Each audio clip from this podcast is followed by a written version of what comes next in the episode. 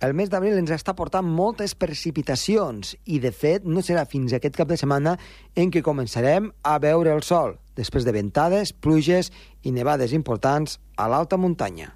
Comença el torn.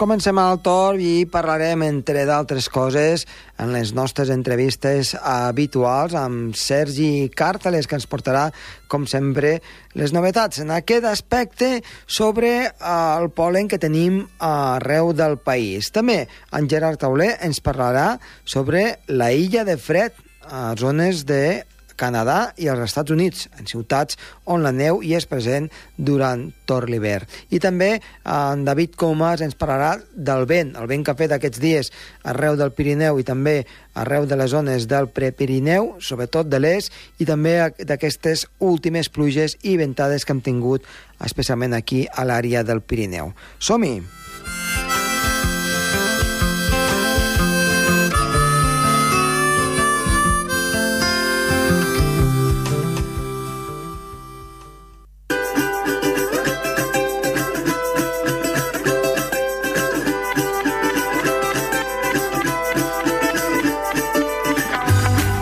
Iniciem el programa i parlem amb Sergi Carcelés. Sergi, molt bona tarda. Bona tarda. Com anem? Molt bé, molt bé. Aquí estem disfrutant de la primavera, de les flors i de la polinització, que és una de les coses que parlarem avui ràpidament, com fem sempre a la temporada de primavera. Doncs vinga, comencem amb el polen. Doncs sí, mira, primer parlarem de que ara mateix hi ha dos arbres que estan polinitzant bastant per tota aquesta gent que sigui al·lèrgica el polen i concretament és l'alzina i roure, que ara mateix estan en un índex de 3 de 5, és a dir, estan amb una polinització mitjana, incrementant cada setmana més, i també el bedoll, amb 3 de 5 també, eh, i bé, va incrementant mica en mica també aquesta polinització d'aquests arbres. Els altres arbres, com per exemple l'om, el pi o el salsa, doncs de, de moment estan polinitzant poc i no tindrem gaires problemes eh, respiratoris en aquest, en aquest cas.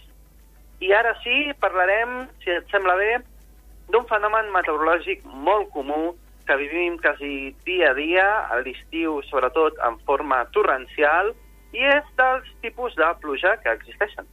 Doncs vinga, som-hi. Bé, com tots sabem, la pluja és aquesta precipitació d'aigua, no ha de ser concretament en estat líquid, també pot ser en estat sòlid, i bé, és el que ens rega les plantes, el que ens mulla, i bueno, ja coneixem de sobre el que és la pluja. El que potser no sabem tant és quins tipus de pluja existeixen, i en veritat hi ha alguns que són bastant curiosos. Començarem parlant per la pluja normal, la pluja líquida, que pot ser en forma de xàfec, en forma de plogim, en forma de pluja... Això depèn de la quantitat de, bueno, la quantitat d'aigua que caigui eh, per metre quadrat i segons un temps eh, determinat. Però també anem a parlar dels tipus de pluja que hi ha segons com es formen i també el tipus de precipitació que deixen. Per exemple, hi ha tres tipus de pluja d'aigua. Entre elles és la orogràfica, que la orogràfica és el tipus de pluja que es forma sobretot a les muntanyes i a les valls quan el tipus de relleu que hi ha al voltant doncs, beneficia que es formin núvols i es formi pluja. Uh, això passa molts cops a Andorra, és un país escarpat, amb moltes muntanyes, i molts cops es formen aquests núvols, sobretot a partir de la tarda, doncs a causa del relleu, que ajuda a que es formin núvols només a una banda de la muntanya, cara nord o a cara sud. Aquesta és la pluja orogràfica. Després tenim la pluja convectiva, que això es forma sobretot amb les tempestes, quan, bé, la diferència de temperatura d'aire entre superfície i altura és molt gran, i això ajuda que es formin cumulonimbus, aquests núvols de pluja i de tempesta, que deixen anar valors de pluja molt forts i també altres fenòmens meteorològics. Però també tenim la pluja frontal. Quan parlem de que ve un front, pot ser un front fred, un front càlid o un front oclús, són aquests, eh, aquestes pluges que es desplacen a gran velocitat i milers i milers de quilòmetres deixant una estela de pluja uh -huh. per on passen. Pluges més normals, ja que deixen pluja líquida, però també, si la temperatura és molt baixa, ho poden deixar en forma de neu, o també, en el tema de les tempestes, pot caure pedra o calamarsa. És un altre tipus de pluja, també sòlida i bastant més forta.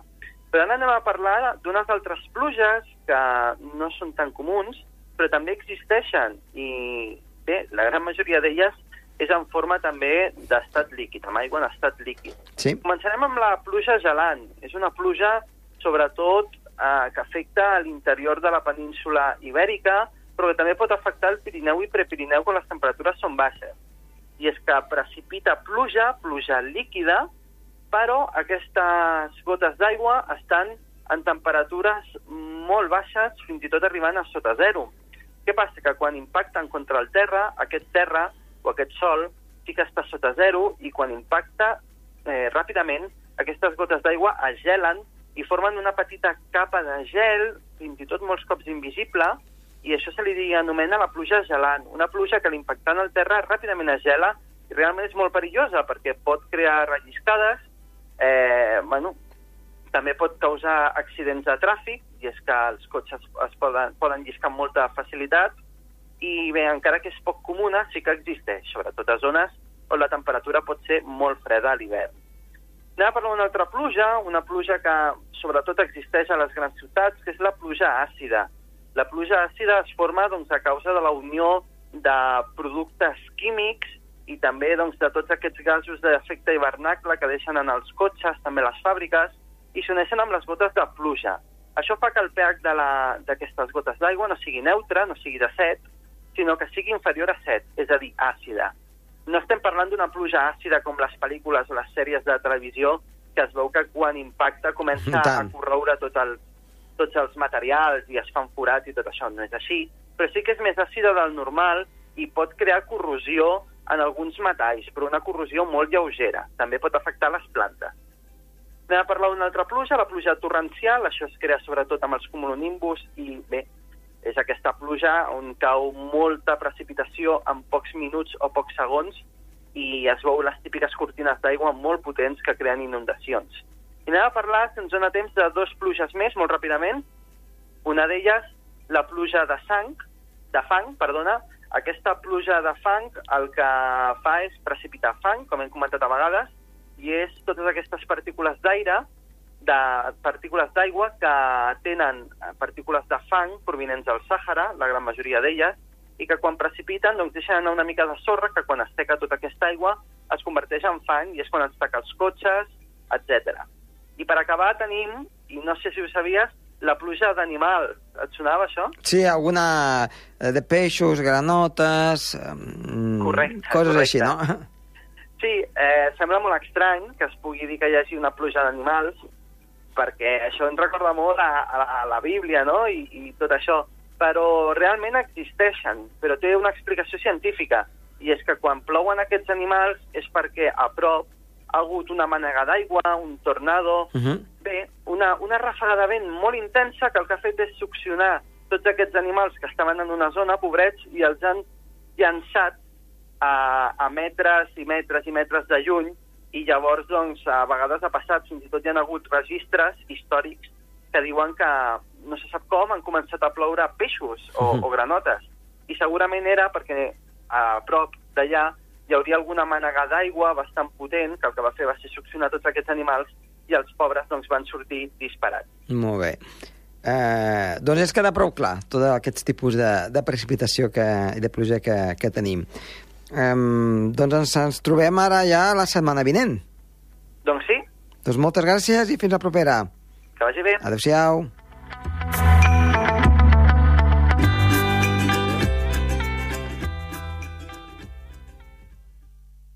El Torb, amb Josep Tomàs.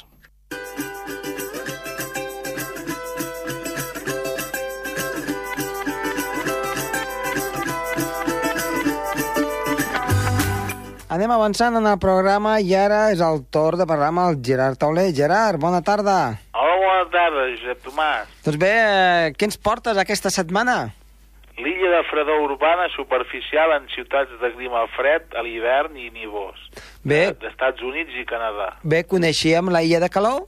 Però la illa de Fred uh, sí que vas parlar alguna vegada Sí, sobre... però aquesta no, no es dona de, de dia, com la majoria de les ciutats, sinó de nit, també. Eh, parlava de, de... Eh, parla de, de dia calor superficial quan, quan hi ha neu. Ah, quan hi ha neu. Quan la temperatura és més baixa al centre de la ciutat ja que no hi ha neu i en canvi als afores com està inhibat la temperatura de, dels sensors dels satèl·lits capten la temperatura de la neu que és a prop de zero i en canvi a dins la ciutat és molt inferior a zero. Ah, per tant... Això pa, pa, parlo de ciutats com Minneapolis, Sí?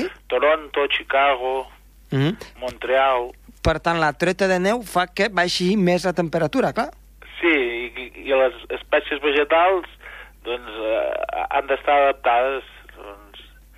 Eh, canvien genèticament doncs, per, per adaptar-se a les temperatures més baixes dins la ciutat. I és fins- curiós, és a l'inrevés del, del 99% de les ciutats del món. Vull dir, Sí, clar. En aquestes ciutats de, del Canadà i dels Estats Units. Clar, havies parlat una vegada d'illa illa de Fredó, de zones Sí, desèrtiques. Illa Fredó. Eh, jo, jo Eh? vull eh? estudiar, per exemple, Illa Fredó de, de, de ciutats de, del nord d'Àfrica, que hi ha 10 graus menys al- centre de la ciutat que als afores durant el dia, per, per efecte d'ombra de, dels edificis. Aquí és diferent, és perquè no hi ha neu a, o n'hi ha poca dins de la Sí. ciutat. I, I clar, com no hi ha neu, doncs la temperatura del terra ba baixa molt més. No pas la temperatura de l'aire, però sí la del terra. Almenys a, a, a, als estudis, a l'article científic que, que he estudiat. Eh, de totes maneres, clar, encara que només sigui la temperatura del terra, això, eh, d'alguna manera, eh, ho notem les persones que estem en aquestes grans ciutats, suposo. Sí, sí, sí, sí. O sigui, faria més fred al centre de ciutat en aquestes àrees clar, tenim, Sí. tenim, tenim, per exemple, una temperatura de l'aire, posem, eh? Anem a posar que tenim 10 graus sota zero, eh? i que hi ha hagut una nevada i que ha quedat al cel ras, suposo que és, és una mica aqu- aquesta la situació, no? Sí. I, I després a, a la, al centre de ciutat on s'ha tret tota la neu que s'ha pogut. Eh, la temperatura baixaria molt més al centre de la ciutat que no pas a les afores. Sí, els, almenys al terra, perquè no parlen de la temperatura de l'aire, però sí del terra, que, que es veu que la, la, les espècies aquestes vegetals Mm -hmm. I per tant, fins, fins quina alçada? Fins a un metre i mig d'alçada? són aproxim- espècies de, de, de, de poca alçada. Eh? Em Mhm. sembla que és un trèvol, un trèvol, em sembla que, que, que parlen, un trèvol. Ahà. Per tant, és, eh, diguem-ne, una, una capa límit, límit amb el terra, eh? Només uns... uns, Límits amb el terra, si no, no parlem d'arbres, no. Uh -huh. Doncs eh, un fenomen força curiós i que... Doncs, Però clar, no, curiós i que, que es destacava perquè no, no, no se'n parla gaire, clar. Jo, investigant aquí a l'internet doncs es troben coses molt curioses. Mm. Llavors, quin efecte pot tenir a, a, a, als voltants? Um, tu creus que també manipula una mica la temperatura de l'aire, indirectament o directament? Oh, podria influir, però... Una mica. Jo, jo, jo tots els estudis que he, que he analitzat, tots els articles que he analitzat, sempre Mm. mm. parlen de que quan, quan hi ha en ciutats de, de, de, de, de clima fred i amb neu, doncs, i- doncs la temperatura de l'aire és molt més baixa al centre Ja. de la ciutat. Ai, als afores de la ciutat que al centre, però... Sí, sí. Aquest, aquest estudi és, és a l'inrevés, diu la, la cosa a l'inrevés, però no, no, no parla de les temperatures de l'aire. Mm -hmm. Jo, per exemple, sé que l'a- l'any 85 es va arribar a menys 25 de mínim a l'aeroport de Florència, perquè parlo ja no, no, Flore- no, no és pas als Estats Units, Mhm, Florència, i tant. i en canvi eh, al centre de la ciutat menys 12 amb 6. I suposo que hi havia neu, però l'any 85 hi va nevar força. Mhm. any. Doncs Gerard, eh, en prenem bona nota d'aquest eh, nou fenomen. D'acord. Vinga, doncs fins la setmana vinent. Adéu-siau, Tomàs, que vagi molt bé. Adéu-siau. Adéu-siau.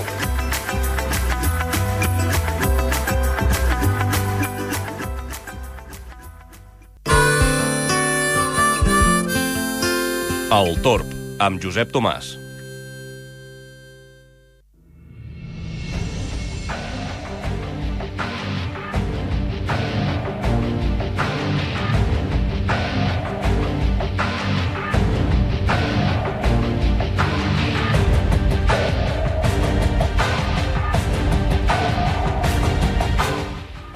Avui teníem amb nosaltres a David Comas i que suposo que ens portarà notícies sobre el que ha estat, de moment, aquest mes d'abril, plujós, ventós i amb una sèrie d'incidències meteorològiques que, déu nhi David, molt bona tarda. Bona tarda, Josep. Eh, déu nhi eh? El mes d'abril eh, s'està comportant uh, si més no que el Pirineu, amb força incidències meteorològiques després de dos mesos molt avorrits, eh? Sí, hi ha hagut una mica més de moviment eh, cap a la vostra terra.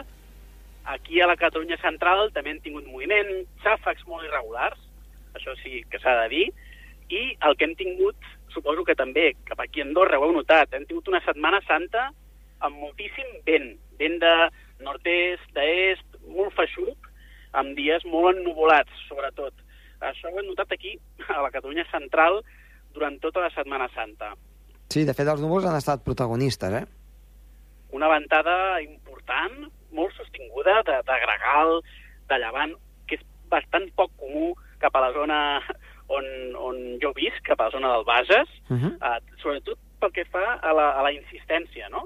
Durant 5 o 6 dies. Vull dir, eh, ràfegues de 40, 50 km per hora, que no són massa, a priori, però el que sí que hem notat és la insistència, no? Si les ràfegues no eren, no eren molt, molt intenses, sí que la, el que ha estat pesat i feixuc ha sigut la insistència durant tants dies. Això és destacable mm, pel que fa doncs, a, a bona part d'aquí, d'aquesta zona. I aquest vent, aquest vent, eh, dius, de, de llevant, de, de gregal, eh, dius que no és massa comú en aquesta àrea. El, si més no, tan sostingut, no? Uh -huh. I, I també es té, a vegades eh, eh, pensem no, que el llevant eh, produeix pluja sempre, no? A, a tot el que seria a la part eh, centre i est de Catalunya. I no és així. Eh, pot haver-hi llevant eixut. Eh, de fet, teníem eh, un gradient entre el nord-est i est, però el que sí també hem notat és la grandíssima pols en suspensió, grans uh Mhm. -huh. quantitats de pols, no? doncs degut a aquest aire, eh, aquest aire de, de sud a nord, no? de, a capes altes de- d'Àfrica, que, que ha fet que, doncs, que plogués molt de fang eh, amb les pluges que hem tingut, que han estat minces, sí que els cotxes quedaven totalment marrons, eh, totalment bruts, a causa d'aquesta pols en suspensió de, del desert del Sàhara. déu nhi sí, perquè aquí hem tingut uh, fotografies de, que es veien les muntanyes com si fos allò fantasm, fantasmagòriques, pràcticament, eh? Sí, amb, eh? aquesta, amb aquesta com a tipus calitxa, eh? I després també s'ha de dir eh, que quan hi ha hagut precipitació, eh, els vehicles, sobretot, que és on més es nota, eh, ben bruts, eh? Per tant, els rentadors de cotxes han fet la gos, eh? Aquesta Han Setmana fet Santa. l'agost d'aquests dies, i tant que sí. El dilluns de, de la Mona eh, et puc ben dir que hi havia cua per, per anar a tenir el cotxe a l'arribar a Andorra. Sí, espectacular, eh? La, la quantitat de, de sorra. Uh Mhm. -huh. uh, aquí també, de fet, el dia del Mona, dilluns, uh, va ploure una miqueta a la matinada Uh -huh. i els cotxes van quedar realment empastifats. Uh, la quantitat de partícules uh, en suspensió brutes doncs era uh, grandíssima. S'ha de dir també que aquesta pols uh, és bona pels conreus, pels boscos, uh, per les aportacions no? de, de minerals que, que uh Mhm. -huh. tenen. Per tant, benvinguda, mm, és una mica feixuga, una mica pesada, aquesta, aquesta pols en suspensió, però també aporta nutrients al terra, per tant, no ens podem queixar tampoc. Mira, va, va- vaig llegir fa, fa molt temps, uh, en un article, que des del desert de, del Sàhara, eh, de Sí. tant en tant, eh, periòdicament, eh, aquesta pols en suspensió va de llevant cap a, cap a l'oest i Mhm. arriba fins a, a la zona de Brasil, eh, a la zona de l'Amazones. Es veu Increïble, que... eh? Sí, sí, sí, es veu que és una aportació indispensable per tota aquella zona en quant a nutrients, en quant a sals minerals, i que si es Mhm. tallés aquesta circulació eh, eh, seria difícilment sostenible que hi hagués una selva com, com la que hi ha en tota aquesta zona del planeta. I fixa't tu, doncs, com estem eh? Ostres, sí, te sí. teleconnectats, eh, els uns amb els altres. Déu-n'hi-do, i, i la quantitat de quilòmetres eh, que ha de Mhm. recórrer eh, aquests nuclis, eh, podríem dir de pols, Sí, sí. Déu-n'hi-do, de, del Sàhara a Brasil, doncs deuen haver-hi uns 5.000 quilòmetres. Com a 5.000 mínim, eh? recta, com, Com- a mínim, com a mínim. recta. Com a mínim. Sí, sí. I, bé, doncs, dintre del dolent, no? Eh, doncs ja, ja ho has explicat, és fantàstic que plogui eh, aquest, aquest eh, polsim, aquesta pastitxa, podríem dir, no? I, i bé, eh, això està canviant, eh? Avui ha entrat a la mica de sud-oest, déu nhi no? Eh? Cap aquí a Andorra tingut una bona ventada, que sí? Sí, una ventada bastant forta, eh, tota la nit matinada, en cops fins i tot que han superat eh, els 80-90 quilòmetres per hora, i, i amb un temporal de, de pluja també important i de neu a l'alta muntanya. déu nhi Això de ben segur que, que aquest canvi d'aires i també amb el nord-oest que entrarà demà, tot això de la, aquesta pols en suspensió, ja quedarà, ja quedarà en un segon terme, desapareixerà i quedaran cels més nets. Uh -huh. uh, et volia comentar que parlaves d'aquest llevant sec que, que hi ha hagut uh, en zones eh, vostres, eh, sí. en canvi està humit més cap al sud, cap a sí, Alacant, sí. eh, totes aquestes àrees, País Valencià, sembla que eh, les precipitacions han estat allí molt abundants i és el, i és el mateix eh, vent, diguem-ne. Sí, déu nhi eh? cap a la zona de, del sud de, de València, cap al nord d'Alacant, quantitats per sobre dels 200, a 250 litres per metre quadrat. Uh -huh. uh, crec recordar que cap a Pego han tingut uns 220 litres, uh, cap a Dènia també per sobre dels 150. Allà aquest aire arriba molt més humit, uh, agafa força més uh, mar, diguéssim, té més uh, capacitat d'agafar energia, també aquelles tenen un relleu allà que afavoreix uh -huh. els nuclis, els nuclis de, de tempesta i els xàfecs, doncs es, es desenvolupin amb ganes en aquest sector de, podríem dir, de la punta de la Camp, la part nord i sud de València, amb aquestes doncs, eh, situacions que són força xutes a Catalunya, uh -huh. eh, doncs allà porta molta pluja. Si bé cap a Esposa Tortosa i Beseit encara arriba una mica eh, doncs humit, i allà sí que hi deixa pluges, cap al País Valencià i Alacant, eh, doncs déu nhi la, les pluges, les torrentades que hi ha hagut. Sí, sí. Doncs, eh, David, eh, moltíssimes gràcies. Eh, esperem doncs, que el temporal eh, no afecti més eh, les connexions perquè eh, ha estat una mica terrorífica, podem dir, la connexió eh, via, via, eh, via telefònica i, clar, sí. eh, també ho hem, ho hem d'atribuir una mica doncs, a, a l'estat del temps, eh? de, de, de, de que quan, quan plou... Una mica de rebombori. Sí, sí, sí, sí. Es nota, es nota moltíssim. Nosaltres que fem moltes entrevistes, quan el temps és estable o inestable, tot i que teòricament hauria d'afectar, eh, veig que veritablement doncs, afecta una mica doncs, el que són eh, les comunicacions. Doncs David, sí. eh, moltíssimes gràcies i t'esperarem una propera vegada. Perfecte, gràcies, Josep. Adéu-siau. Adéu, adéu. Adéu, adéu.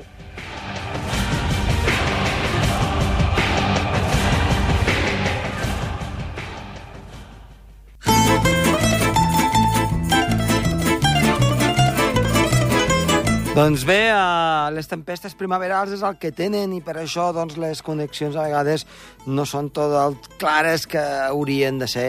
Demanem disculpes, però en definitiva, encara doncs, aquesta situació d'inestabilitat s'ha de mantenir una mica divendres i ja ràpidament eh, dissabte, diumenge, fins i tot dilluns i dimarts, la situació meteorològica millora i molt. I és que, de fet, ja no esperem que hi hagi precipitacions a partir de dissabte. Alguna nuvolada sí, però sense precipitacions, per tant, amb una situació meteorològica molt més estable i amb unes temperatures, però, que seran fredes, eh, no seran pas càlides, tot i el sol, que evidentment pujarà la temperatura màxima, però la nit farà força fresca. I hem de donar un avís, en aquest cas, atenció al perill de llaus. Ha nevat molt al llarg de la jornada de dijous a l'alta muntanya per damunt dels 2.200 metres s'han arribat a acumular fins a 70 centímetres en algunes zones del nord del país. Ja un perill de llaus en aquests moments, dijous, que estem parlant, eh, evidentment, a mesura que avanci el cap de setmana, això pot anar canviant, per tant, sempre mirar al Servei Meteorològic Nacional en el seu butlletí de llaus quina és la situació actual, però en aquest moment ja per damunt d'aquesta cota un perill de 3 sobre 5, per tant un perill marcat. Atenció al pas d'una persona, un esquiador, que pot desprendre plaques i també amb aquesta neu recent caiguda, hi ha d'haver purgues de neu deguda a, a, aquesta gran acumulació. Per tant, massa precaució aquest cap de setmana si volen anar a l'alta muntanya per la gran quantitat de neu que s'ha acumulat. I com diem, amb una situació força tranquil·la, però amb temperatures mínimes que seran encara una mica baixes.